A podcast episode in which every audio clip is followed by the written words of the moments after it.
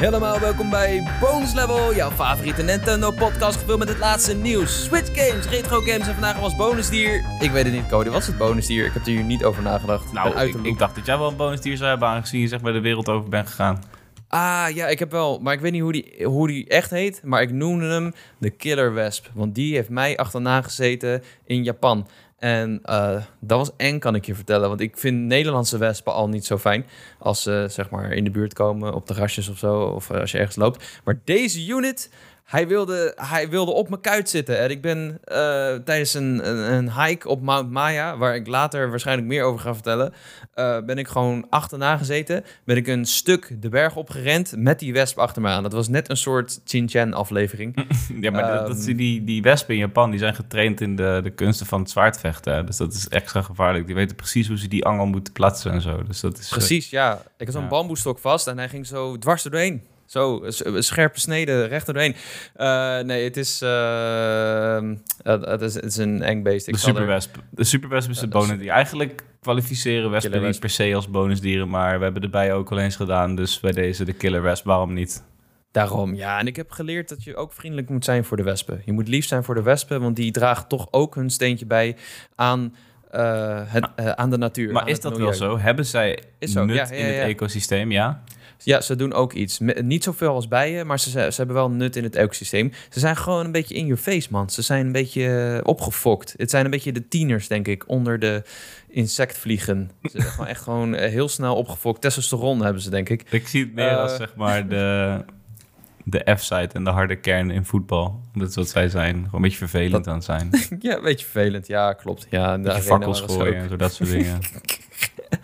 Eh, goed, het is nog steeds geen natuurpodcast, maar wel jouw favoriete Nintendo podcast aflevering 173 alweer van Bonus Level. En we 83. hebben een hele 83, wauw. We hebben een hele hoop om te bespreken, waaronder misschien wel een Reddit Redemption 2 voor de Nintendo Switch. Eh, meer geruchten over de Switch 2 natuurlijk. We hebben het Van Gogh Museum, waar een Pokémon collectie is. En eh, ik heb nog een aantal tips voor jullie voor als je naar Japan gaat en überhaupt om daarover te vertellen. Maar eerst...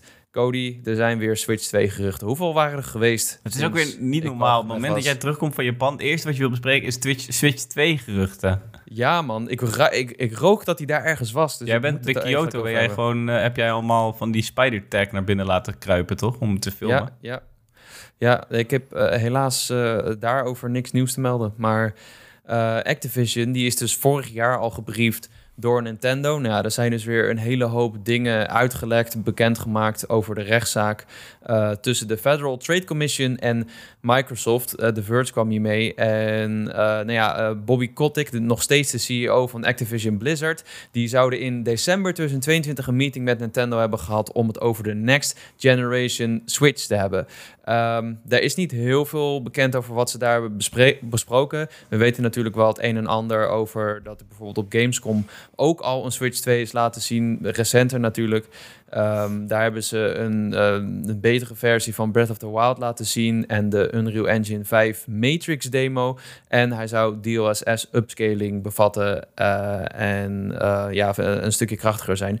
Dat wisten we allemaal een beetje, maar ja, toch interessant dat ook grote bedrijven nu al gebriefd zijn, bijvoorbeeld om Call of Duty erop te laten draaien. Ja, ik vind het ook interessant dat ze dus die, nou, die Switch 2, die Flexiplex, of hoe je hem ook wil noemen, dat ze die dan, eh, Ja. dat ze een demootje van Breath of the Wild hebben laten draaien in Unreal Engine 5. Dat vind ik wel een, is wel een aparte keuze of zo. Het is namelijk Ja. wel hetgene wat mij direct het meest interesseert. Hè? Hoe draai je die belangrijke titels van, eh, van de Switch dan als ze op Unreal 5 zouden draaien of zo? Ik ben wel heel benieuwd. Ja, nee, wel, volgens mij draaide Breath of the Wild niet op Unreal 5. Maar om te laten zien dat die Unreal 5 engine wel ondersteunt, hebben ze die Matrix demo laten zien, die Ah, toen tijdelijk ja. verkrijgbaar was. Dat is Eh, logisch, maar wel- ja.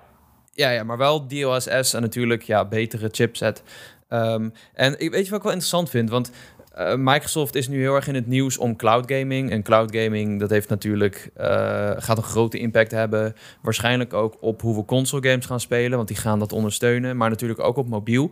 Alleen toen kwam Apple met een iPhone 15 event. En toen draaiden ze daar gewoon Re- Resident Evil 4 op. Die ik hier op mijn PlayStation heb gespeeld.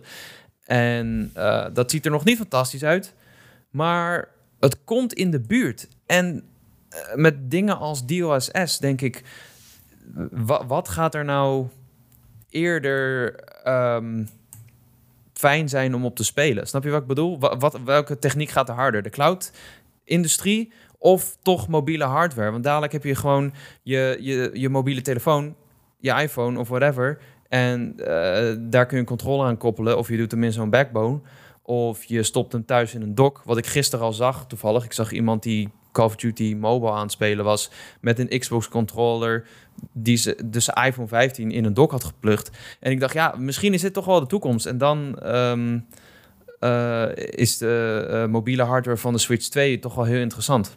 Ja, ja ik, ik, vind het, ik ben een non-believer. Ik heb daar niet echt per se redenen voor of zo. Maar ik zie mijzelf niet mijn telefoon als console gebruiken. En het tegenargument wat je dan natuurlijk direct krijgt van mensen die er wel in geloven is... ja, het is niet zo dat je op je telefoon gaat app of eh, spelen... maar die sluit je aan op je tv, net als dat een Switch nu zou doen. Ik ben Ja. gewoon een non-believer. Laat mij alsjeblieft mijn telefoon buiten mijn hobby houden. Want telefoon is voor mij sowieso grotendeels werk. Misschien moet ik een werktelefoon, dat is een oplossing. Maar I don't know. Ik, ik, ik ben juist heel erg... Ik vind het juist heel erg fijn dat mijn hobby op een ander stukje hardware staat... dan eigenlijk mijn hele leven al. Ja, oké. Maar goed, voor ons is het voor ons zal een console waarschijnlijk altijd het belangrijkste blijven. Wij willen die dadelijk die 120 fps aantikken, volgende generatie. We willen 8K als dat mainstream wordt. Ehm, maar als je het hebt over het grote publiek, wat nu eh, niet Resident Evil 4 speelt, omdat je daar een console voor nodig hebt. Eh, of dat je daar hele goede internetverbinding voor nodig hebt, denk ik dat het best wel een uitkomst kan zijn. Want er zijn zoveel mensen met een eh, mobiele telefoon in hun zak. En die hardware wordt alleen maar krachtiger. Dadelijk, ja, stel je hebt eh, gewoon een store of misschien wel een abonnement van Apple, wat ze natuurlijk al hebben. ehm, waar je de nieuwste games op kan downloaden op je telefoon. En ik denk dat je daar een hele nieuwe markt mee aanboort. Eh, Absoluut, ja, dat wel.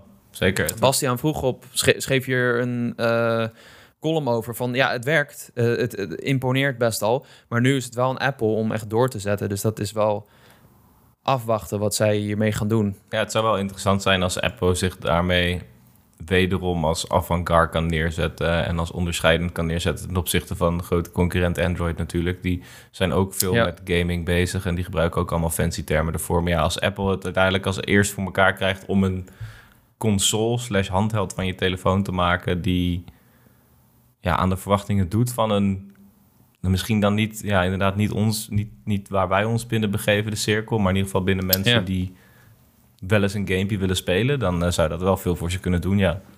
Ja, Dus ik ben, wel, ik, ben, ik ben zeker benieuwd en ik volg de ontwikkelingen op de voet, maar het is, het is niet per se een ontwikkeling waar ik heel warm van word, maar dat kan ook gewoon Ja. zijn omdat ik eh, conservatief wil zijn op die manier of zo. Ja, nee, ik ben ook conservatief hoor. Ik vind, ik ben, je weet dat ik batterijparanoïde ben. Oh ja, absoluut, ja. Ik vind het echt kut om games te spelen, omdat het gewoon batterijen leeg slurpt. Dat ding wordt ook fucking heet. Die iPhone Ja, 15 ja, ja, best wel ja, heet. zeker. Ja. Dus eh, er zitten nog een hele hoop haken aan de ogen aan. Maar ik zie wel, ehm, ja, opeens was het even een, een wake-up call voor mij. Van, ah ja, mobiele hardware is ook nog steeds fucking krachtig aan het worden. En eh, het wordt steeds beter. En wie weet komen we al steeds dichter in de buurt van de consoles. Eh, dan hebben we nog een aantal kortere nieuwtjes. Eh, deze is ja, eigenlijk een beetje bullshit. Maar er is dus een X-gebruiker die een Braziliaanse leeftijdsclassificatie heeft gevonden voor de Switch-versie van Red Dead Redemption 2. En nu is een beetje de vraag: ehm, is, dit al, is dit iets voor de toekomst of is, het iets, is dit iets uit het verleden? Want ja, eh, volgens mij las ik ergens dat dit een wat oudere klassificering is. En dat ja, Resident Evil, Resident Evil Red Dead Redemption 2 is natuurlijk al een tijdje uit. Eh, hij gaat niet op de Switch draaien, dat weten we ook wel. Tenzij ze zo'n cloud-versie doen, maar dat werkt volgens mij ook niet echt voor ze. Ehm, dus de, het enige scenario wat we hebben is... Reddit 1 is nu uit op de Switch. Reddit 2 zou op de Switch 2 kunnen lanceren, want die gaat hier waarschijnlijk wel draaien. Ehm, ja.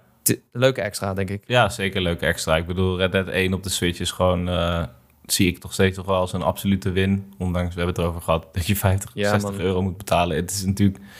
Hè, dat, dat, dat heeft zijn nadelen, kan ik me voorstellen. Maar voor ons is het heel fijn dat als ik nu Red Dead 1 zou willen gaan spelen... dan kan ik dat lekker op mijn Switch doen.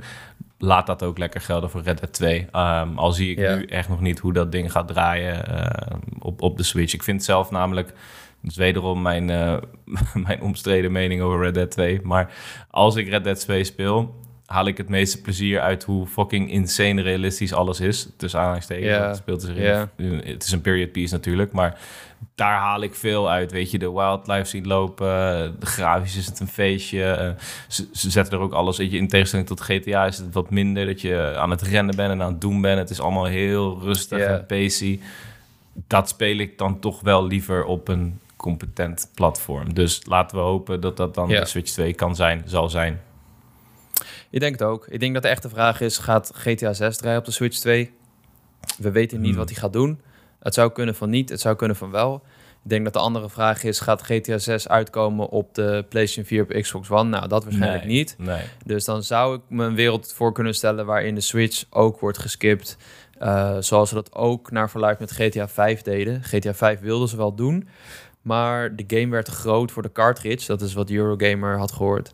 En dat de online infrastructuur, wat natuurlijk heel belangrijk is voor Rockstar, omdat die daar een hele, eh, ja, eh, eigenlijk een lopende band aan inkomsten aan verdienen, dat dat gewoon niet ging werken. En dat is eh, de reden dat ze dat waarschijnlijk niet hebben gedaan.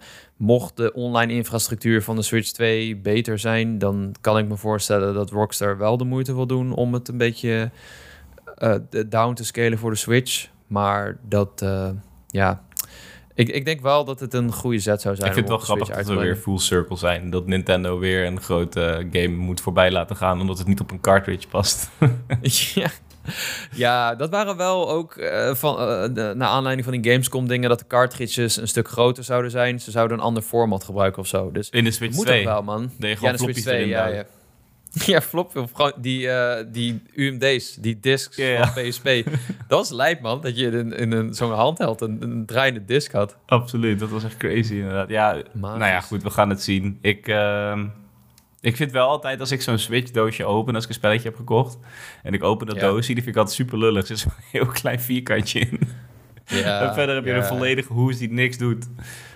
Ja, Maar goed. het is gewoon voor zichtbaarheid, denk ik. Hoe cool zal het zijn als je gewoon een heel klein doosje had... met een soort hele minimalistische artwork. Dat je ze zo gewoon in je zak kon stoppen. Ja, nou ja, die van de Game Boy was natuurlijk... een Game Boy Advance waren natuurlijk een stuk kleiner. Dat waren Ja, altijd, ja, ja. dat vind ik nog steeds de mooiste hoesjes die er waren. Fucking Ja. classic. Maar Ja. ja. ja, nou ja, goed. Ik, ehm, het moet sowieso nog maar blijken hoe belangrijk fysieke games nog gaan zijn eh, in de nabije toekomst. Ja, Xbox wilde volgens mij bijna helemaal van afstappen. Maar Want dat, dat, vind ik een namelijk wel verhaal. ideaal aan de Switch natuurlijk met die cartridges. Ik, heb, ik ben iemand die op fysiek zit. En eh, als ik dan op reis ga, dan kan ik wel gewoon mijn, mijn, mijn kast kijken en denken van... oké, deze, deze, deze, deze, deze neem ik mee. En dan heb ik vijf fysieke cartridges waar ik letterlijk niks van merk in mijn bagage... die ik mee kan nemen. Dus dat is Ja, op zich ja, ja. wel te doen. Maar goed, hey, eh, het moet allemaal nog maar blijken. Die fysieke verkopen, die zijn eh, naar verluid flink aan het dalen. Dus Klopt, ja, ja, ja. Ik liep ook, was een cadeautje aan het zoeken. Eh, en eh, gewoon voor iemand die, weet je, af en toe als game speelt, wilden we Far Cry 6 halen. Ja, was gewoon niet in de mediamarkt. In een best wel een grote mediamarkt. Dan moet je, we- Ja. Toevallig hadden we hem ergens anders gevonden, volgens mij. Maar eh, ja, je ziet wel echt dat de schappen steeds leger worden. Ja, joh, ik, ik, eh, ik- Marvin was natuurlijk verleden week hier bij Bonus Level. Na, na afloop, ik had een beetje over Mortal Kombat gepraat. Eh, hij appte mij, zei, "Yo, ik ga Mortal Kombat hier ergens in Haarlem kopen. Waar kan ik zijn? Ik zeg, ga naar Schalkwijk, daar is een heel winkelcentrum. Appt hij me twee uur later terug, heel winkelcentrum, geen Mortal Kombat. Ja, fuck jongen, dat is echt, je moet bijna dan wel weer naar zo'n speciaalzaak. ja, dan kom je ook echt wel bij de, bij, de, bij de Game Mania of bij de RIP E-Plaza. E-Plaza was gewoon een, was, was dat een zijtak van Bart Smits? Ja, toch? Ja, ja, dat was letterlijk hetzelfde, ja. Die winkels waren altijd zo raar, man. Alsof je in een soort van eh, Space Odyssey terechtkwam. Alles was een soort van grijs. De, de schappen waren Ja. ook allemaal metaal of. Ik weet niet. Het was een hele weirde vibe, but I kinda liked it. Ja, goede tijden, man. Goeie tijden. Ehm, de, dit nieuwtje, ik weet niet, word jij hier blij van? Kirby and the Amazing Mirror wordt deze week toegevoegd aan Nintendo Switch Online. Eh, het is een Game Boy Advance titel uit 2004 en Kirby moet het opnemen tegen Dark Meta Knight. ik hou van Maar Meta Knight. eh, ja, Nou ja, ehm, eh, ik heb deze niet meer gespeeld. Metroidvania. Dus Ah, dan word ik er altijd wel redelijk enthousiast van. Omdat ik gewoon, over het algemeen hou ik mezelf toch wel voor dat ik alle Kirby games op zijn minst wil spelen. Ik ben altijd wel een Kirby liefhebber. En toen ik wat gameplay ervan opzocht, dacht ik, nou, dit is wel, een, wel een lekker vrolijk stijltje hoor. Ik, ik, dus ja, Ja. ik weet niet hoe, hoe trouw die poort is. Als dat zeg maar in die Game Boy Advance eh, graphics blijft, dan ben ik wel geïnteresseerd om die te spelen. Als daar een soort port van wat wordt gemaakt, slash remake van wordt gemaakt, net zoals met Kirby Return, Return to Dreamland, dan is dat natuurlijk helemaal goed nieuws. Dus ja, ik vind het wel, eh, ik vind het wel leuk, maar het is niet iets eh, heel noemenswaardig wat je nou als hoogtepunt van de week gaat benoemen. Nee, snap ik. Ik eh, ben wel benieuwd. Als, hij, eh, als ik weer eh, een beetje aan het rondscrollen ben door die app, ga ik hem zeker opstarten. Ehm F-Zero99, misschien moeten we het daar later over hebben wat we hebben gespeeld. Want Daar volgens word ik mij wel heel enthousiast van, Jacco. mega hard in die game gedoken. Wie, jij? Nee, jij? Ja, ja, ik wel, ja, absoluut. Het was alles wat ik heb gedaan een week lang of zo. Vet. Fantastisch. Maar is daar later een moment voor? Bij wat spelen we? Nou, ver- vertel maar. Waar- waarom is... waarom Ja, het is vet? leuk. Ja? Ja, dat is wat het is. Nou ja, kijk, weet je, ik heb het hier ook al over gehad vorige week natuurlijk, maar Ah, het is heel kort. Je had Death Race in F-Zero X bijvoorbeeld. En dat was eigenlijk, voordat we het allemaal door hadden, al een soort van Battle Royale. En daarom werkt dit concept denk ik heel goed. 100 man op de baan. Daarnaast vind ik die hele eh, dynamiek die F-Zero games hebben met die energy balk bovenin. Wat Mhm. zowel je boost als je leven, levensbalk is, vind ik nog steeds heel erg interessant. Het is echt veel Oké, veel meer afwegen wanneer je wat moet doen. Het is wat tactischer dan Mario Kart. En, ehm, ja. en het, ja, ik vind het gewoon ontzettend. Ik, ben zo, ik heb sowieso een zwak voor 99 games. Ik speel Tetris 99 nog steeds. En dit is zoiets anders. Sick. Wat op zich ook weer zo goed werkt. Je had zeg maar Ja. Mario 99, dat was leuk.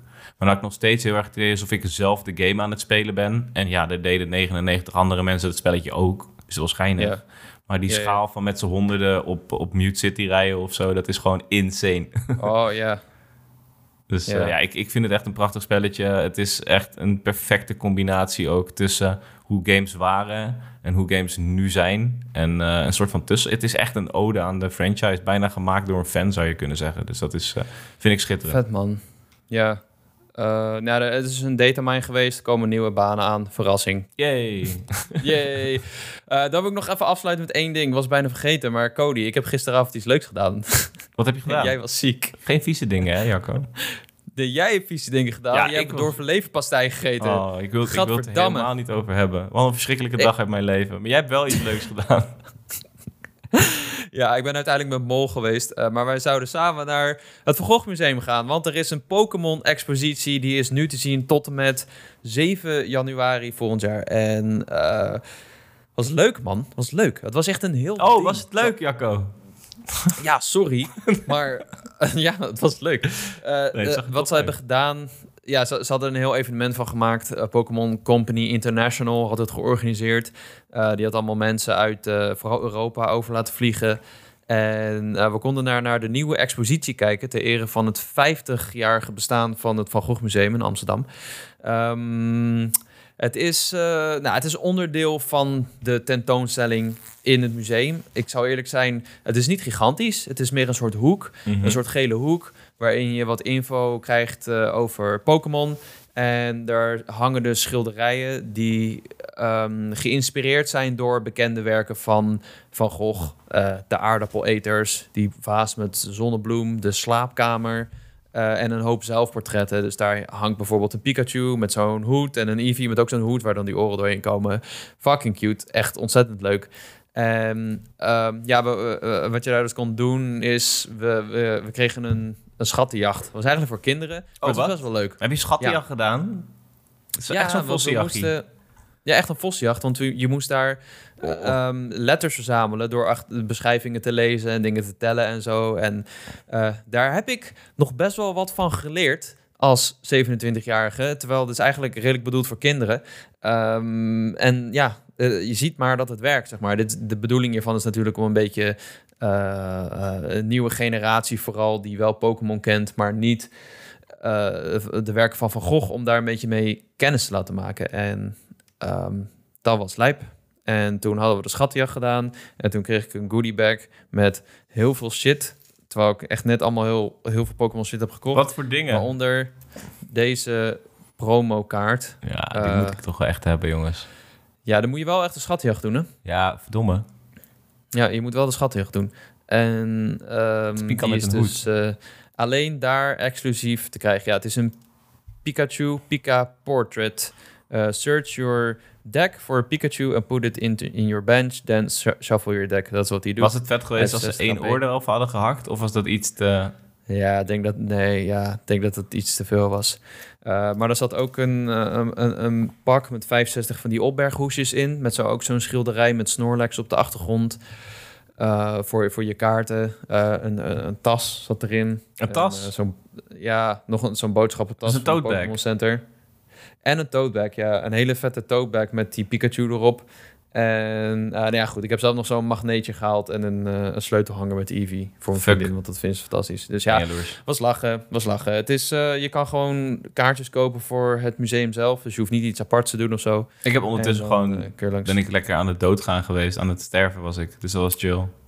Ja. Voedselvergiftiging is kut, wil ik nog even melden. Ik had het nooit eerder meegemaakt. Ik dacht letterlijk scheurbuik had. Ik, op een gegeven moment, ja, ik lig je in bed om vier uur s'nachts en je denkt, oké, okay, ik heb de meeste fysieke pijn dat ik me ooit kan herinneren. Uh, we openen het internet. Het laatste wat je moet doen.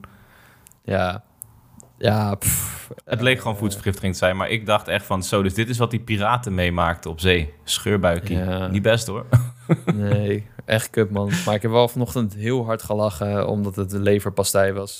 dat klinkt zo verschrikkelijk vies. En, en dat zo is het verschrikkelijk ook. gevaarlijk. Ja, het, het, was altijd zo van, ik weet hoe nasty dit is. En ik heb ook wel eens een keer zo'n House Major gekeken van Leverstein. Echt van, wow, dit ga ik echt nooit meer eten. Maar ik vond het gewoon te lekker. Organen. En nu gaat het gewoon nooit meer gebeuren. Nee man, ik zou het ook niet doen. Dus ja, nou ja, goed, dat was niet echt Nintendo nieuws. Maar wel de reden waarom ik niet bij... waarom ik nu geen Pikachu Toadback heb, verdomme. Ja, en Faber was er. Ik dacht, dit vindt Cody vast ook leuk. Nou, ik wil het er niet eens Ik had hem zo stiekem nog geholpen met zo'n, met zo'n vraag. je moest iets stellen, maar... Oké, ik zal geen spoilers geven voor de ding. Uh, ja, dat was het nieuws voor deze week, jongens. Um, het is tijd voor het bonusonderwerp. Maar ik vind het bonusonderwerp een beetje awkward. Want het gaat over mijn reis, Cody. Wacht even, maar, was dit echt al het nieuws? Hebben we niet nog die Activision Blizzard ding? Oh nee, die hebben we al gedaan die hebben we gehad. Dit was al oh, het we hebben al het nieuws al besproken, ja. Hoezo is het on bonusonderwerp awkward? Je bent lekker op een reisje geweest in Japan... en je gaat ons daar lekker over vertellen. Ik ga gewoon lekker luisteren naar jou.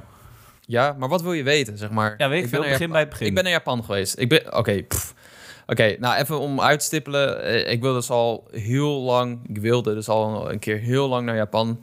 En een vriend van mij zei in januari: Hey, zullen we dit jaar naar Japan gaan? En ik ja, eerst heel lang denken: Nou, oh, dat kost veel geld. En ik weet niet of ik tijd heb. En uh, moet ik vrij nemen en zo. En toen dacht ik: Weet je, als ik het nu niet doe, dan doe ik het nooit. En toen hebben we geboekt. En toen hebben we langzaam de hotels geboekt en de reis uitgestippeld. En uh, toen zijn we 21 dagen één dag langer dan gedacht, want ze waren raketten aan het schieten op de Armeniërs. we bleven nog een dag langer. Ja, soms. Uh, maar ja, toen zijn we in Kyoto begonnen. Um, even een, soort, een korte uh, ja, roadmap wat we hebben gedaan. Kyoto, een paar dagen gezeten. Naar Nara gegaan. Dat is een kleiner dorpje met tempeltjes en hertjes en bossen. Toen zijn we naar een eiland gegaan. toen zijn we naar Osaka gegaan. Toen zijn we naar de kust gegaan. En toen zijn we zes dagen in Tokio geweest. En ieder dag, iedere dag was een hoogtepunt. Iedere dag was ik helemaal kapot, omdat we heel veel zagen, deden, lopen. En ehm, misschien moet ik beginnen met ja, het relevantste. De, de Pokémon Center. Een van de relevante dingen die ik heb gedaan. Ehm, ik droom echt al sinds dat ik vijf ben of zo van de Pokémon Center. Een vriend van mij die had allemaal knuffels altijd. Zijn kamer was een Pokémon Center. Ik was altijd jaloers erop. En ik stelde me altijd voor een winkel waar ze letterlijk alles hadden en waar je alles kon kopen van Pokémon. En nou ja, dat is het niet. Oh, maar het is wel gewoon een hele grote. Het is een hele grote merchandise store. dromen door de war. Nou, het is wel een droom die uitkomt. Ik heb het al verteld dat ik heb gedroomd dat ik voor, voor perstrip naar Japan mag. En toen kwam ik, uh, toen moest ik helemaal haasten. En toen ben ik nog net langs Pokémon Center gekomen. En toen kwam ik daar en toen was hij dicht. Dus Echt? Dat was een keer, ja, ik wilde Flareon kopen. Hij was dicht. Dus, en nu oh. zeg jij dat die droom gewoon ook nog is gebaseerd is op niet-waarheden? Nee, van dus één grote wel, Jawel, jawel. De, de, als je filmpjes op het internet hebt gezien, misschien wel mijn, uh, mijn mini-vlog op, op Pu. Zeker. Dan, ja, dat is het gewoon, man. Het is een hele grote, vrolijke winkel vol met merchandise en vooral knuffels. Ik ben in Osaka geweest, ik ben in Kyoto geweest en ik ben in Tokio geweest. Tokio was bij far de grootste. Als je daar binnenkomt, heb je zo een stellage of een collage met alle Pokémon games, met alle originele Japanse hoesjes, met screenshots, met filmpjes van de trailers destijds. En uh, dat is echt insane, man. Ik stond daar, ik kreeg echt kippenvel. Want ze draaien al de classic Pokémon muziekjes, het Pokémon Center muziekje. Ja, dat hoorde Eh, ik, dat die aanstaan. Dat vond ik mooi. Ja, gewoon muziek uit eh, Gold en Silver, Red and Blue en zo. Eh, en eh, ik, ik kwam daar binnen de eerste keer 20 minuten lang helemaal overweldigd. Ik, weet, ik wist niet wat ik moest doen. Ik wist niet wat ik moest pakken, niet wat ik moest kopen. En toen ben ik daarna gewoon allemaal shit in mijn winkelmandje gaan gooien, Cody. Ja, Ik ben helemaal losgegaan. zoveel meegenomen. ik snap het ook volledig. ja. Ja, maar ik zat eerst te denken van... ja, misschien hebben ze in Tokio dan nog meer. Of eh, weet je, is het het wel waard? Wil ik deze wel? En eh, toen dacht ik, ja, het is gewoon nu mijn enige kans dat ik hier ben. En eh, neem het maar gewoon mee. En uiteindelijk heb ik dan nog wel een kleine selectie gemaakt... met dingen die een beetje te gek werden... of die toch niet zo mooi waren qua plushies. Maar ja, ik heb toch wel een goede 12 knuffels gekocht. Is het plushie of plush? Ik weet het niet. Ik denk altijd plush. Ah, weet ik veel. Ik zeg altijd plusjes, maar eh, knuffels. Eh, maar ik heb in ieder ja, een deel was wel een cadeautje. Ik heb een Flygon voor jou meegenomen, Ja, Cody. je hebt heel Die veel was echt mij een winnaar. meegenomen. Eh, ook Pokémon kaarten, ja, die 151 die kwam uit. En die was lastig te krijgen, maar die heb ik ook nog weten te scoren. Yes. Maar ja, Pokémon Center, als je iets met Pokémon hebt, doe het vooral. Het is echt een hele leuke ervaring. Eh, in Osaka zit ook een Nintendo store ernaast. Die was niet gigantisch, maar ook heel leuk. Eh, ik zocht vooral iets van Zelda, maar daar hadden ze niet hele leuke dingen van. Ik ben niet iemand die pennen koopt of zo daarvan. Of, nee, eh, het liefst weer gewoon een klein knuffeltje van een Corroxy, toch? Dat is wat ik had gewild. Ja, of gewoon een kleine vette eh, figurine. En ze hadden wel zo'n amiibo van een Young Link. Maar ik dacht, ja, ik weet niet of ik eh, nu hier een amiibo wil Nee, joh, amiibo's kun je overal fixen, toch? Ja, maar ze hadden hele coole dingen. Ze hadden cartridges eh, eh, met post-its erin van Super Mario World. Ik heb een sleutelhanger met de originele art van Mario World. Een Kirby knuffeltje, die was wel cool. En een, eh een badei waarin Yoshi Ik zag uitkomt. daar echt vanochtend een reel over trouwens op Instagram. Echt? Ja, ja, echt serieus. Ja, ik heb niet zo'n bad. Ik, Ik heb hem zeggen, heb gewoon jij in de een wasbak gegooid. jouw Nee. gevangenisje daar? Ik heb in de wasbak gegooid. Dat heb ik gewacht totdat er een Yoshi uitkwam, een gele Yoshi. Yay. Dus daar ben ik blij mee. Eh, en de andere eh, waar we het als eerste over moeten hebben is natuurlijk Super Nintendo World. Holy shit, man. Ja, jij hebt het gewoon gedaan, man. Je bent er gewoon geweest. En mijn eerste vraag Ja. daarover is, is het... Want het ziet er fucking dope uit. Alleen ik heb altijd het Ja. idee bij alle beelden die worden gedeeld... dat het Ja. een slim shot is geweest... waardoor het, het Mhm. hele kader vol zit met Nintendo World... maar dat het eigenlijk niet zo heel groot is. Ken je die? Ken je het begin van een Simpsons movie? Nee. Dat ze zo eh, eh, bijna crashen met de auto's, gaan naar Alaska en dan eh, waait die kaart zo op de ruit en dan draait ze een rondje of zo en dan probeert hij zo de kaart van de ruit te halen met die prachtige bergen nee. en dan ziet hij, oh, dit is niet de kaart, maar dit is het echt. Zo voelde ik me. Dus het was wel... Maar het was wel groot Mooi. dus. Het was groot en het was ja, be- best wel bizar hoe... ehm, ik heb natuurlijk ook al allemaal van die eh, TikToks gezien en zo... met mensen die er zijn geweest. Maar het ziet er op de een of andere manier heel mooi en echt uit. Hm. Eh, alles in Universal is gelikt. Het hele park is echt fucking prachtig. Het was echt zonde dat ik kotsmisselijk werd... omdat we achteruit zo'n achtbaan deden... die echt heel hard ging. Maar S'avonds was ik eindelijk weer een beetje bijgekomen in Super Nintendo World... maar je moet je voorstellen, je loopt, je, je loopt door zo'n warpipe... Wat je ook zag in die direct van Miyamoto Mhm. toen hij het ging aankondigen. Met van die lichtjes. eh, en dan loop je en dan zie je het eigenlijk een soort van opdoemen. Dan zie je dat hele level zo eh, omhoog. En dan zie je eh, die vlag daar zo bovenaan op de top. En daaromheen zie je Bowser's Castle. Je loopt uit Peach Castle zelf. In, aan de zijkant zie je de merchandise stop. Eh, en dan zie je daar in de hoek zie je Yoshi's Adventure. En dan helemaal rechts, als je echt he- helemaal rechts kijkt, dan zie je ook al de deur van Donkey Kong, waar ze nog aan het bouwen zijn. Oh, oh, Dus- oh, hoi. Ja, daar ben ik... Het is alsof je daar een level in gaat. Daar wacht ik Heel cool gedaan. op, hè, tot die af is, voordat ik daarheen ga. Ja, en ja, trouwens ja. ook wel jammer was, is dat je net dat museum niet hebt mee kunnen pakken die volgend jaar open gaat. Ja, ja, ja, dat is jammer, maar goed. Eh, Een goede reden om nog een keer terug te gaan natuurlijk. dat sowieso. Maar het was, was cool, man. Je moet sowieso wel een fastpass hebben. Ja, Anders kom je er gewoon niet in. Anders sta je waarschijnlijk uren buiten te wachten en ga je niet in een attractie. Wij hebben wel echt geld gesplashed op ehm, eh, een fastpass. Dan krijg je een hele rits met eh, tijden en attracties wanneer je naar binnen mag. En Super Nintendo World was daardoor echt een breeze. Je loopt daar gewoon naar binnen met je, met je QR-code. En dan, dan heb je ook nog twee timesloten voor Mario Kart en Yoshi's Adventure. Mario Kart was leuk. Het is een soort van AR-adventure. Dus je, je, je loopt daar door de gangen. Het is een groot, je loopt zo de mond van loopt. Bowser in. Je zit niet in een autootje? Nee, nee, ik bedoel, zeg maar, eh, eh, de wachtrij Oh, de wachtrij. ja, is ja, ook ja, al een experience. Dus je loopt daar langs alle cups die ze hebben uitgestald. Je, een groot Bowser standbeeld. Ehm, je ziet daar de outfits hangen van Mario en Luigi zogenaamd. Dan krijg je nog een uitleg met, met een filmpje. En dan krijg je een soort ho- hoed, hoedje op, een soort petje. En daarop klik je een AR-bril. En dan ga je eigenlijk door alle bekende Mario Kart levels. Wat best wel vet is gedaan. Je gaat door de, weet je, de, de wilde wolkenweg. En eh, Rainbow Road. En je moet af en toe links en rechts sturen. En je moet schilden schieten. En dan kun je kijken. En waar je kijkt, schiet hij dan schilden naartoe. En dan kun je andere eh, spelers kun je, eh, uitschakelen. Maar het is wel on rails. Dus het is geinig. Eh, ik vond Yoshi's Adventure eigenlijk veel leuker. Dat was veel rustiger. Eh, omdat je daar door het level heen gaat. Dus je gaat in een Yoshi zitten. En dan ga je eigenlijk wat je daar Je ziet bij binnenkomst. Ja, je gaat in een Yoshi zitten met een heel, heel, heel leuk muziekje. Eh, en je gaat door dat level. Dus je gaat echt vlak langs al die coins en die Goombas en zo. En die Piranha Plants. En je ziet Baby Mario. Ehm, dat was echt, dat was de ultieme experience. Je hebt dan ook echt een gigantisch mooi eh, uitzicht over het park. Ehm, dus dat cool, man. Ja, pff, Vet. Was ja, echt het klinkt even- echt fantastisch. ik moest echt even stilstaan om even om me heen te kijken. Van, oké, ik ben hier nu. Dat Ja, moest ik even Dat zeggen. kan ik me goed voorstellen. Maar dat is ook het mooie, toch? Je, was al, je ging ook een beetje aan het midden van je reis. Dus je was al gewend aan niet aan het werk zijn en loslaten. En dan Ja, op, op zo'n moment even in het moment kunnen leven. En genieten Ja. van dingen die je normaal gesproken niet doet. Dat is heel belangrijk.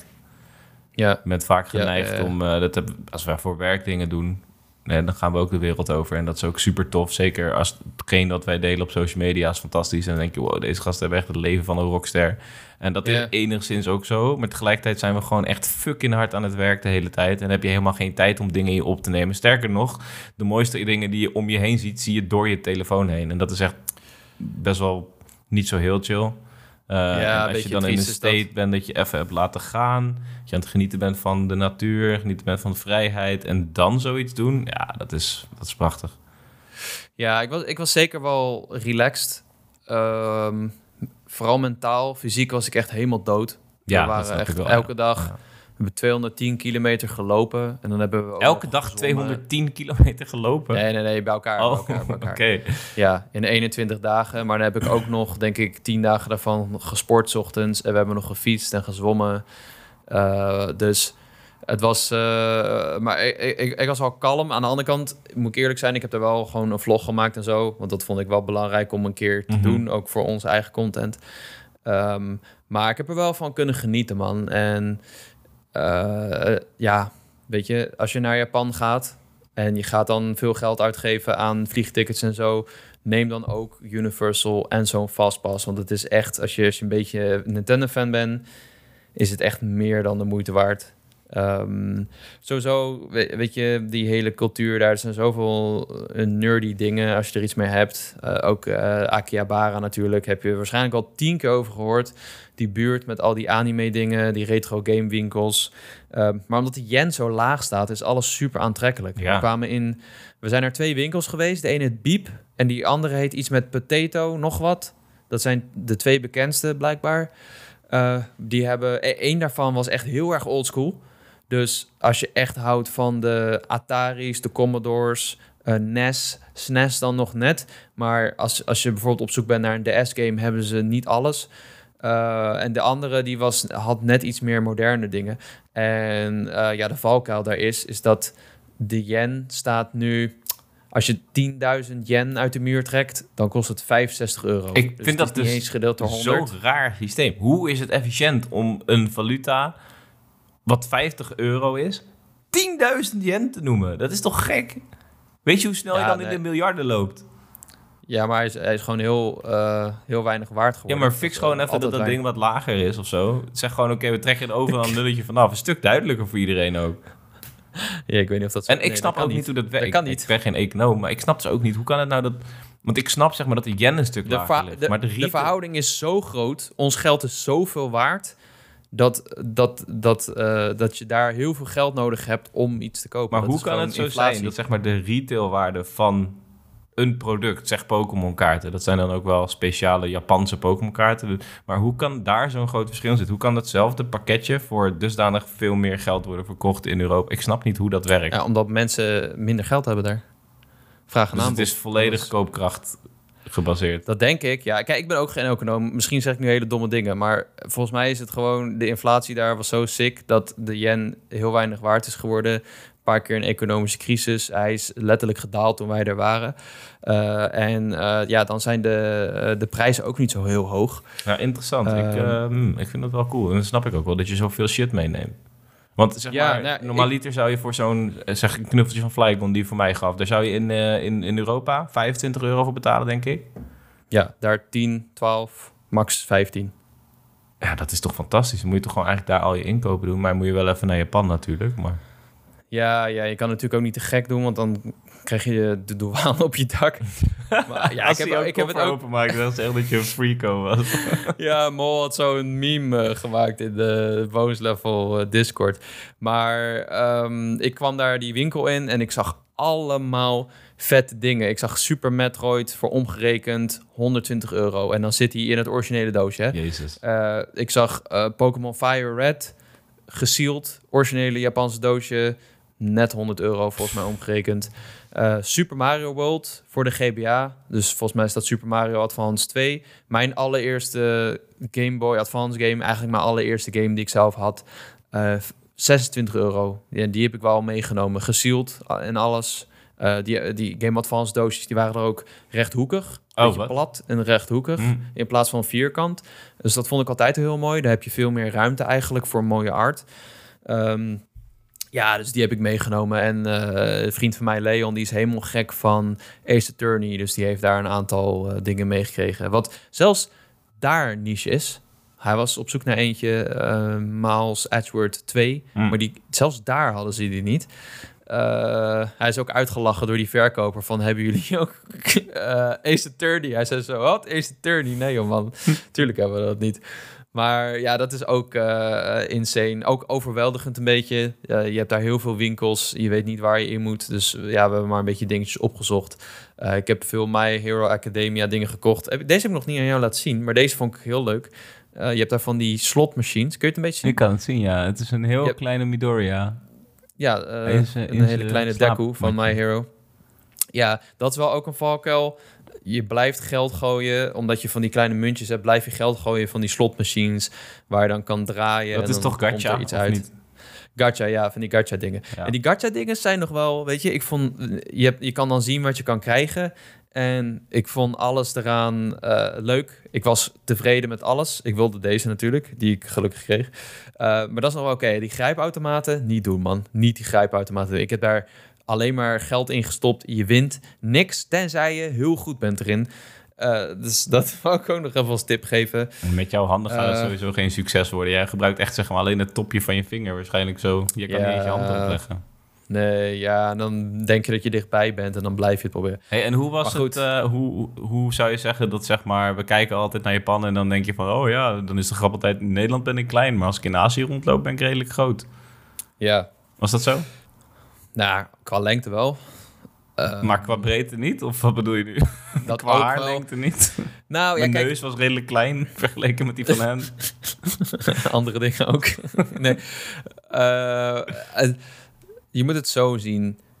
Ik, ik ben best wel een zacht persoon, denk ik. Dus bij mij valt het wel mee, denk ik. Maar als eh, westerling voel je je daar al snel een beetje lomp of zo. Hmm. Dus ehm, ook al, alles is daar net ietsje kleiner. Sommige deurposten zijn net ietsje lager. En ehm, winkeltjes die zijn soms net iets krapper gemaakt of zo. Dan loop ik daar rond met mijn rugzak en dan voel ik me echt letterlijk een soort olifant in een porseleinwinkel. Ik liep daar in een soort van theewinkel en ik bleef maar tegen mensen aanstoten en zo.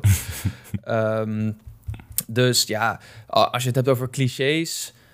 eh, Japanners zijn wel ontzettend vriendelijk en beleefd. Ja, Eh, dit heb ik ook al tien keer gezegd deze week. Maar het is bijna een soort van wedstrijd wie het meest beleefd is.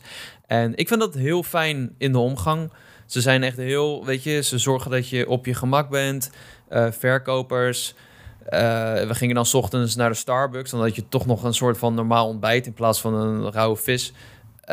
En eh, dan nam ik drie yoghurtjes en dan gaven ze me vaak drie lepels. En dan zei ik van, oh, no, no, no, one spoon is oké. En dan zei ze, ah, ah sorry, sorry. Hi, hi, hi. En dan ging ze zo knikken van, ah, sorry, ik heb een hele grote fout gemaakt. Sorry, ik ga het nu direct voor jou herstellen. En dan zeg ik, nee, nee, nee, het is oké, maak, je niet, maak je niet druk. Er was ook eentje, die begreep me niet, er kwam met de vierde lepel. Ik zeg, nee, één lepel, niet vier. Mag ik een Sorry. extra lepel? Ja, en dan gaat zij zo, oh nee, sorry, sorry, sorry. Dan ga ik zo, nee, nee, sorry, sorry. En dan ben je heel lang naar elkaar sorry aan het zeggen en aan het knikken. Eh, weet je dat wat is wat ding daar- is? Ik, ik, zeg maar, ik herken dit eigenlijk alleen uit anime's. En ik dacht dus altijd dat anime's Ja. redelijk overdreven waren daarin. Ik echt van, gast, waarom moet je nou fucking gaan gillen of zo uit het niets? Of waarom doe je nou zo moeilijk? Ja, Maar dat nou, is... dat gillen, dat valt wel mee. Dat doen ze alleen in restaurants. Wat ik heb meegekregen, daar zijn ze heel luid. Uh, maar dat is wel, ja, ik wil niet alle stereotypes bevestigen natuurlijk. Het is ook een hele hoop niet waar. Maar uh, ja, hoe ik het heb ervaren, waren mensen heel erg zacht en beleefd. En uh, ja, inderdaad, zo van net als in een anime: uh, van oh, ja, ik maak een fout. Oh, sorry, sorry, ik, ik, ik, ik knik.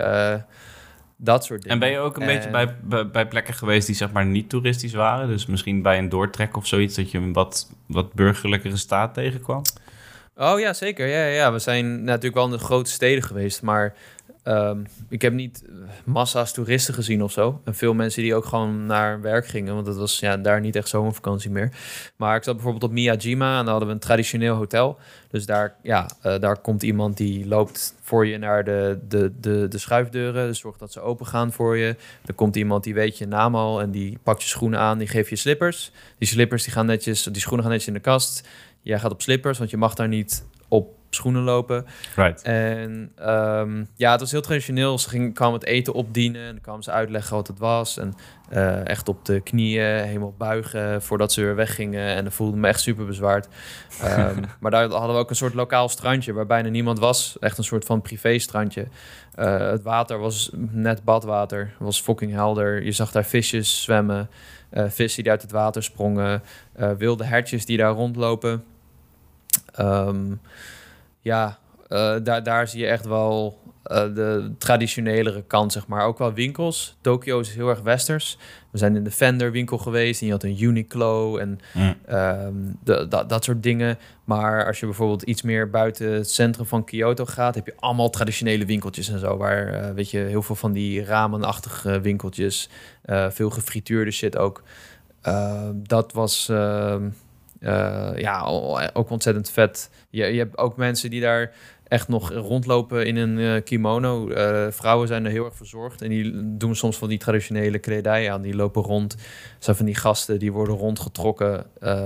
Die trekken ze rond in een soort car. Het is echt bizar. Um, dus ja, dat hebben we ook zeker gezien. En de natuur. Ik wil heel veel zeggen dat ik de natuur heel mooi vond. Het is misschien een cliché. Misschien denk je ja, de. Maar ik vond het echt de mooiste natuur die ik heb gezien, denk ik. Ja. Uh, de, de meren, de zee, de watervallen, de bossen, de tempels. In Nara bijvoorbeeld, dat je daar een tempel hebt. Daar lopen al die wilde hertjes rond die je dan groeten als je zo'n koekje geeft. um, het is daar heel groen. Uh, de lucht is daar heel blauw. Zelfs als het ging regenen met donkere wolken, zag je donkere wolken. En daarachter, daarboven nog felblauwe lucht. Um, S'avonds met de zonsondergang was het dat gouden, weet je wel. Je mm -hmm. hebt in Pokémon af en toe dat ze dan zo naar de zee lopen over een berg. Dat je dan die gouden zon zo ziet. Ja, ik heb een foto gemaakt en dat is letterlijk de, uh, de intro van Gold and Silver. Of uh, van uh, Hard Gold, weet je wel. Zo'n gouden zon op de zee. Ja, dat is toch wel even genieten. Zag je ook een Lugia daarna vliegen in de kader zo? Bijna, dacht ik wel. Ik heb wel een spinnenrack gezien. Oh. Ik, dat is wel zo. Ik ben, oké, ik, ik, ben dus op een hike geweest naar Mount Maya. Gekste shit die we daar hebben gedaan. Rollercoaster aan emoties. Echt, uh, ik dacht even dat we dood gingen. Uh, nee, zo erg was het niet. Maar het was wel 4,5 uur lopen. En uh, af en toe ben je wel een beetje de weg kwijt. Um, maar daar...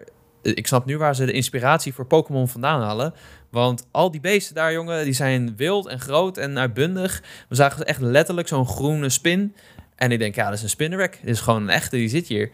En uh, op een gegeven moment dachten we, wat is dit voor een grote vogel die eraan komt vliegen? En toen was het gewoon een vlinder. Echt zo'n beest, jongen. Dat we echt gewoon moesten bukken. Van, ah, shit, daar ik valt eens aan. Uh, en dus die wesp die mij maar niet uh, los wilde laten. Ik schrok echt. Ik heb echt gerend. Ik voelde me echt als eh, eh, Ash in de eerste aflevering die we- wegrent voor die, eh, eh, wat is het, Beedrill? Ja, dat is niet de eerste Eh, aflevering, maar wel vrij. Een van de eerste, ja. Ja, ja, ja. Ja, ik... Ja, mooi man. Het klinkt alsof je een fantastische tijd hebt gehad. En ben je, nu, Ja, ben je dan nu helemaal uitgerust om weer een jaar te gaan werken, of niet? ja, niet uitgerust. Ik heb echt daarna nog vier dagen echt bij moeten komen. Eh, nu voel ik me wel oké. Ja, gewoon steady. Nou, het is in ieder geval goed dat je weer terug bent. En eh, mooie eh, Japan-verhalen hier in de Bones Level podcast. Ook altijd leuk om te horen. Zeker, ja. Dus, Ja, mocht je nou nog vragen hebben binnen Discord of zo, via mail, stu- stuur ze ge- gerust. Eh, ja, ik heb een hoop eh, foto's gedeeld al op Instagram en zo en op Pu. Maar eh, ja, Maar heb je nog Was, een beetje eh, gegamed daar? zeker. Ja, mooi bruggetje. Nee, ik heb Zelda uitgespeeld. Daar horen jullie volgende week meer over. Dit is de grote aankondiging. Als het goed is, nemen we morgen de spoilercast Yes, op yes. met niemand minder dan Simon Zeilemans, die hem ook net heeft uitgespeeld. Ehm, ja, ik wilde hem uitspelen in het vliegtuig. En toen ging die game maar door en door. En toen heb ik hem uiteindelijk ergens in Japan uitgespeeld. Maar daar, daar vertel ik later over. Ehm, toen ben ik begonnen aan een game die heet Sea of Stars. Oh ja, we hebben het hier ja. al vaak over gehad. Maar oh, dit is ook eentje die we niet mogen vergeten, man, dit jaar. Nee, nee, nee. Die, die, die gaat een beetje in een vlaag voorbij, omdat er zoveel gamegeweld is op dit moment. Je, bent direct wel, je denkt direct aan Starfield en aan, aan Baldur's Gate en dat soort titels die je tussen aanstekens niet mag missen. Want ze zijn fantastisch en het is een 10. Ja. En daardoor vergeet je bijna gamepies als eh, Sea of Stars en, en Trine Eh, 5. je hebt iets tegen Starfield, hè? Zoiets heb ik vernomen. Nou, ik heb niet iets tegen Starfield, maar het is ook een keer klaar wel met een spelletje. Ja, Hmm. I don't know. Het is gewoon Ik niet, skip hem, ik heb er geen tijd voor. Niet En cup of tea, I guess. Nee, voor mij ook niet. Maar Sea of Stars is eh, gemaakt door Sabotage Studio. Die hebben eerder de Messenger gemaakt. En de Messenger had een hele leuke haak. Namelijk dat het deels een 8-bit platformer was. En halverwege werd het een 16-bit Metroidvania. Hele zelfbewuste game. Op een gegeven moment kom je daar in een een kamer waarin alles schreeuwt. Er komt nu een hele grote baas. Maar dan is de baas niet thuis. En dan mag je gewoon door naar de volgende eh, wereld. Eh, dat, dat soort dingen. Eh, deze game heeft een iets minder uniek haakje. Maar is wel gewoon een hele fijne JRPG. Ja, Het speelt zich af in een, ja, in een, in een soort fancy wereld met veel eilanden. En jij bent een jongen, een, een Sun Warrior. En eh, een meisje is een Moon Warrior. Je kan kiezen wie je speelt aan het begin. Eh, en ehm, nou ja, goed, er is een, een kwaad en jij moet op reis. En eh, wat deze game heel goed doet, is voor mij, is, het maakt het heel erg toegankelijk. Dus er zijn heel veel hulpmiddeltjes en eh, het is niet heel erg grindy. Het is niet heel erg complex. Maar het houdt je wel heel erg bezig. Want wat ik vooral vet vind, naast is dat de combat... Nee, sorry. Dat het er heel mooi uitziet. Hele mooie pixel art met lichteffecten. Echt prachtig. Een van de mooiste pixel arts die ik ooit heb gezien. Uh, de muziek is ook heel goed van de componist van Chrono Trigger. Uh, maar ik vind de, de combat het leukste aan deze game. Mm. Je hebt een aantal mechanieken. Uh, je hebt een soort Paper Mario mechanic. Dat als jij een aanval doet en nog een keer op A drukt... dat je dan extra damage doet. Of je doet hem zelfs twee keer. Um, je hebt ook een soort van slotmachine... Uh, waarmee je aanvallen van vijanden kan breken. Dus als jij bijvoorbeeld een zwaardje en een hamertje doet en een, een moon attack, dan kun je de aanval breken. En je werkt ook met beurten. En dat doet weer heel erg denken aan Octopath Traveler. Dus als jij een gewone aanval doet, komen er bolletjes op het slagveld. En hoe meer bolletjes je hebt, hoe meer je kan boosten. Dus het is eigenlijk, als je Octopath Traveler hebt gespeeld, dan weet je waar het over gaat. Uh, dan moet je eigenlijk uh, timen wanneer jij jouw boost inzet. Dus dan moet je denken van, oké, ga ik nu al een boost inzetten met twee bolletjes? Of wacht ik één beurt? Um, uh, neem ik een risico en dan heb ik een boost met drie bolletjes. En dan kan ik misschien wel in één keer die uh, tussenbaas kapot maken en dan die kleintjes pakken of zo. Uh, dus dat maakt het heel erg leuk. En er zitten puzzeltjes in, die zijn ook wel geinig. Um, dus uh, Sea of Stars aanrader. Absoluut aanrader. En, dus, ja. ja, absoluut aanrader. En de Pokémon DLC, die kwam uit. Ah. ja. Ik weet het niet, Cody. Ik heb het nog niet geprobeerd. Ik was het wel van plan om te gaan doen tijdens mijn vakantie eigenlijk. Maar wat ik nu links en rechts hoor, is het niet best.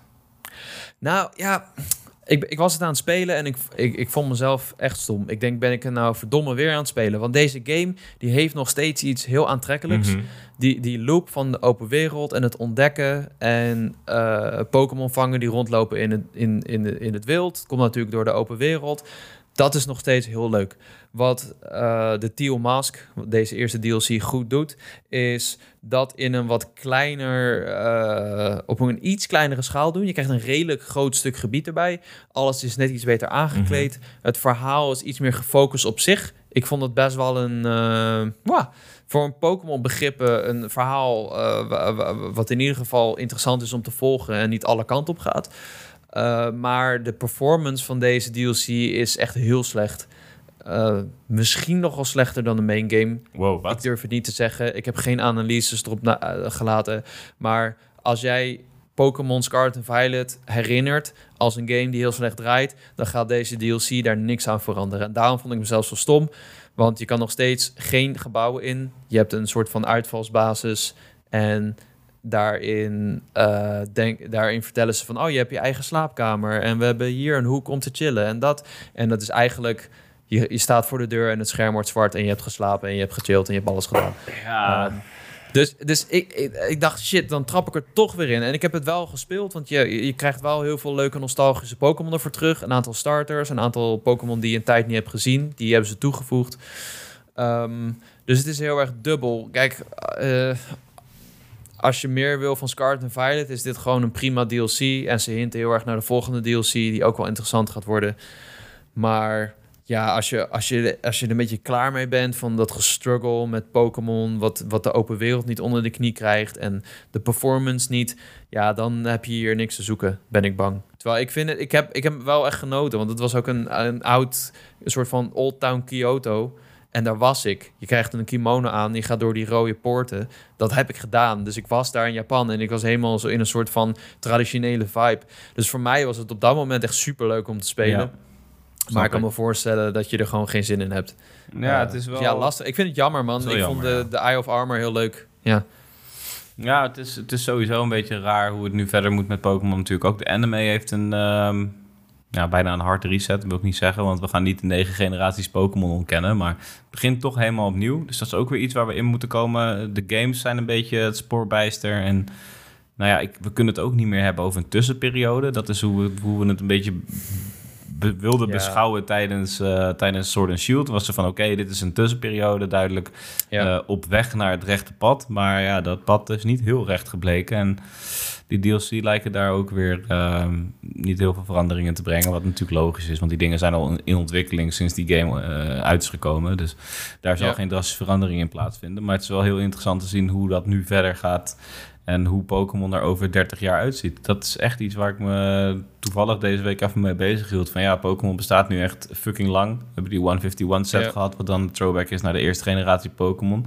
Wordt generatie 9 net zo nostalgisch over 30 jaar als dat generatie 1 is? Dat vraag ik me af. Wat is de levensspan van Pokémon? Ik heb er altijd volgehouden dat het oneindig is. En ik denk ook zeker dat dat nog steeds zo is.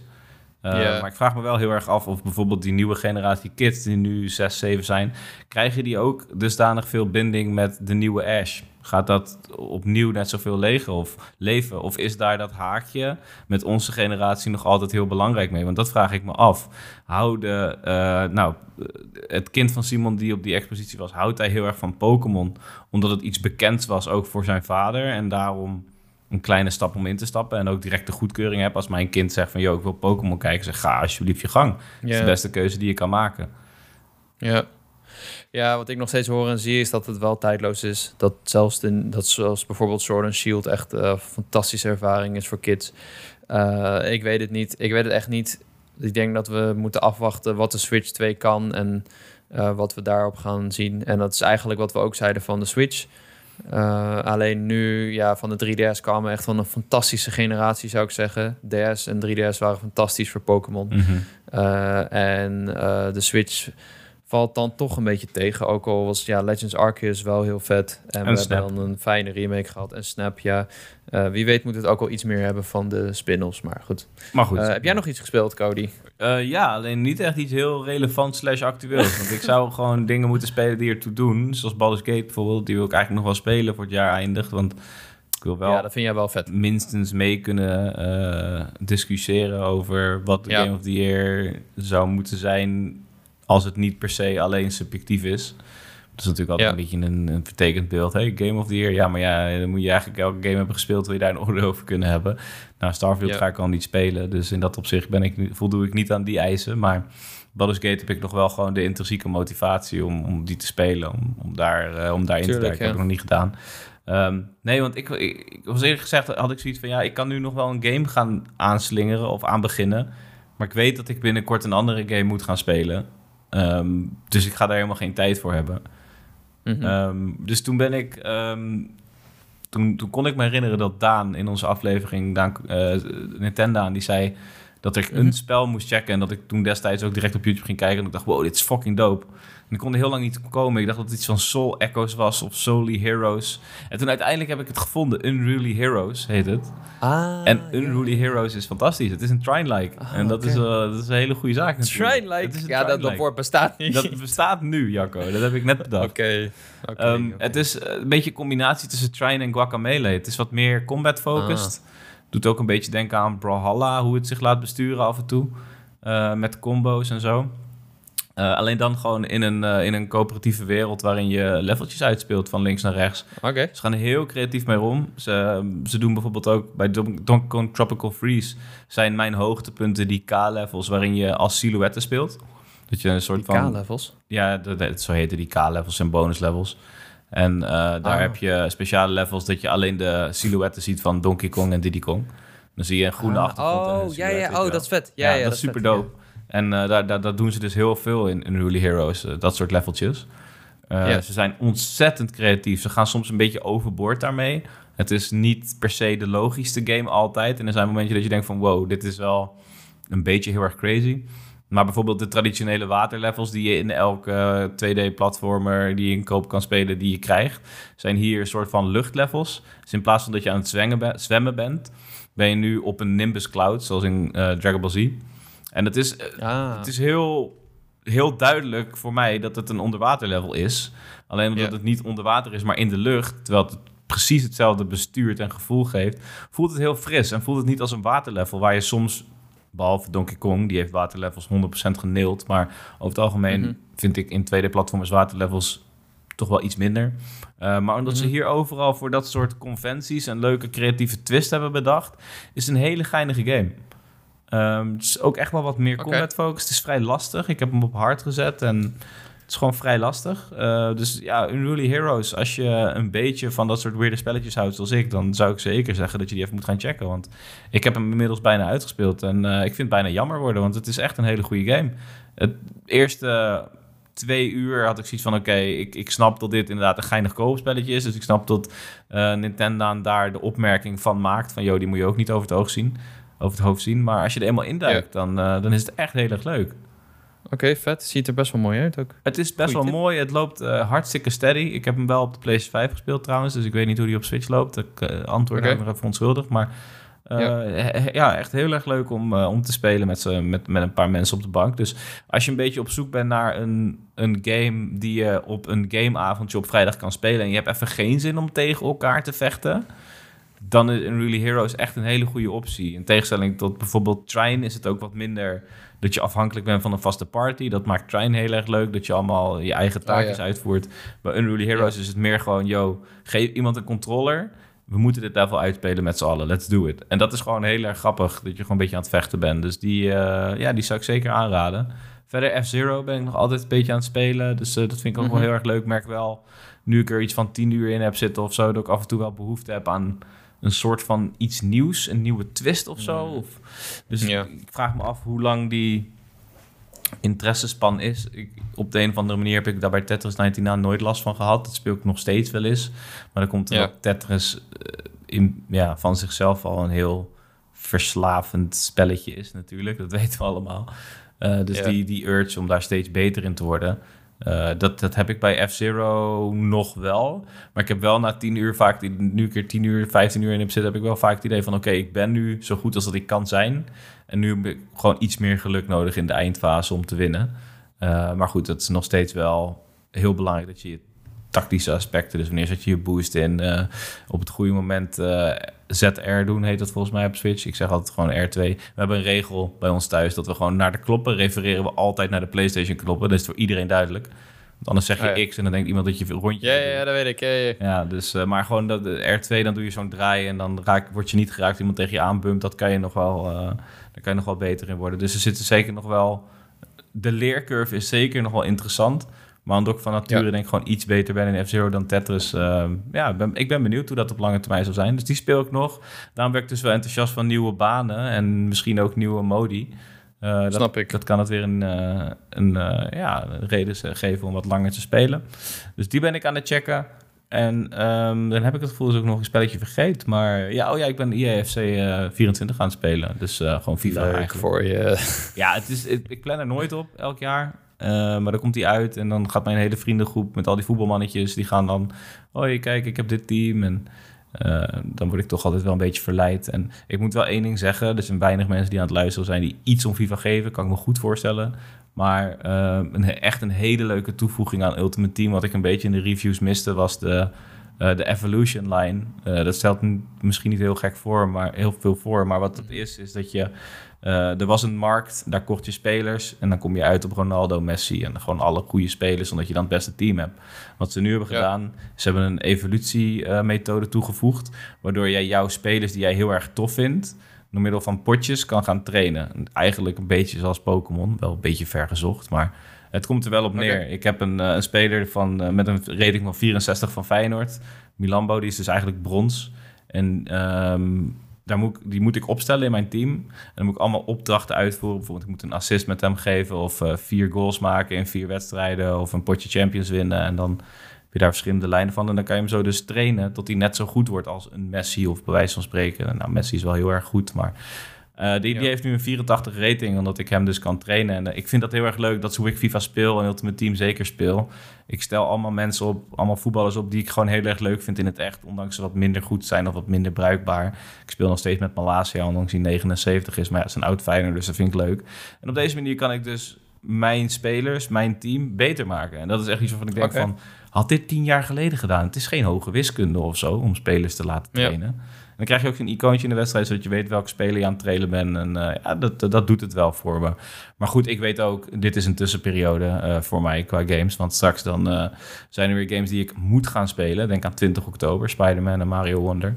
Dus Ja, eh, precies. tot- heb ik ook. tot die tijd geniet ik ook wel van het feit dat ik hier en daar een spelletje kan spelen. Een beetje FIFA, een beetje Unruly Heroes, een beetje F-Zero. Weet je gewoon, ik speel elke tijd nog wel eens een potje Rocket League. eh, dat online aspect, het sociale online aspect met je vriendengroep die je niet meer elke week ziet.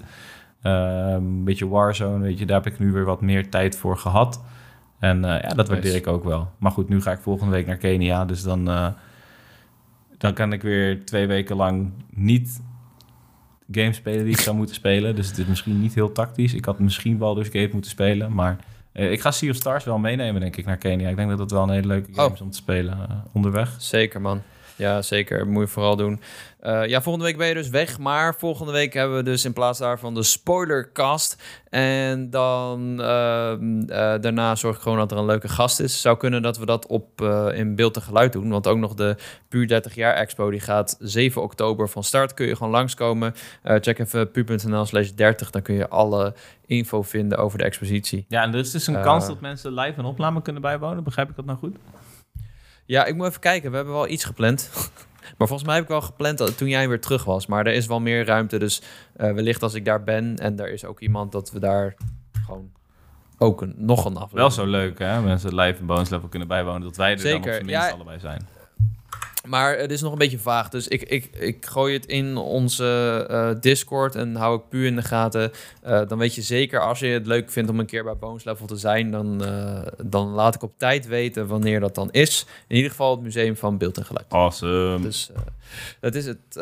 Thanks Cody. Ik vond het weer leuk. Een aflevering waarin wij te allebei waren. Dat is even geleden of zo. Ik weet niet. Ja. Ik vind het leuk. Ja. Ja. Nou, nog even mijn vakantietjes erdoor. Twee weken Kenia. Even olifantjes kijken. En dan eh, Ja, is het weer terug naar het oude. En dan eh, hebben we weer elke Wordt week een lekker aflevering van ons samen. Hè?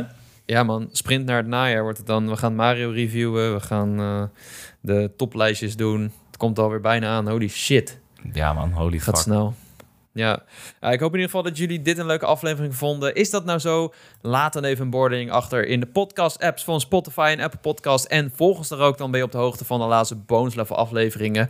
Uh, zoals ik zei, kom gezellig in de Discord. Daar zijn we ook jullie favoriete Zelda-momenten aan het verzamelen. En uh, stuur ook gewoon mails naar bonuslevelcast.gmail.com met huisdieren, dilemma's, vragen. Het mag allemaal.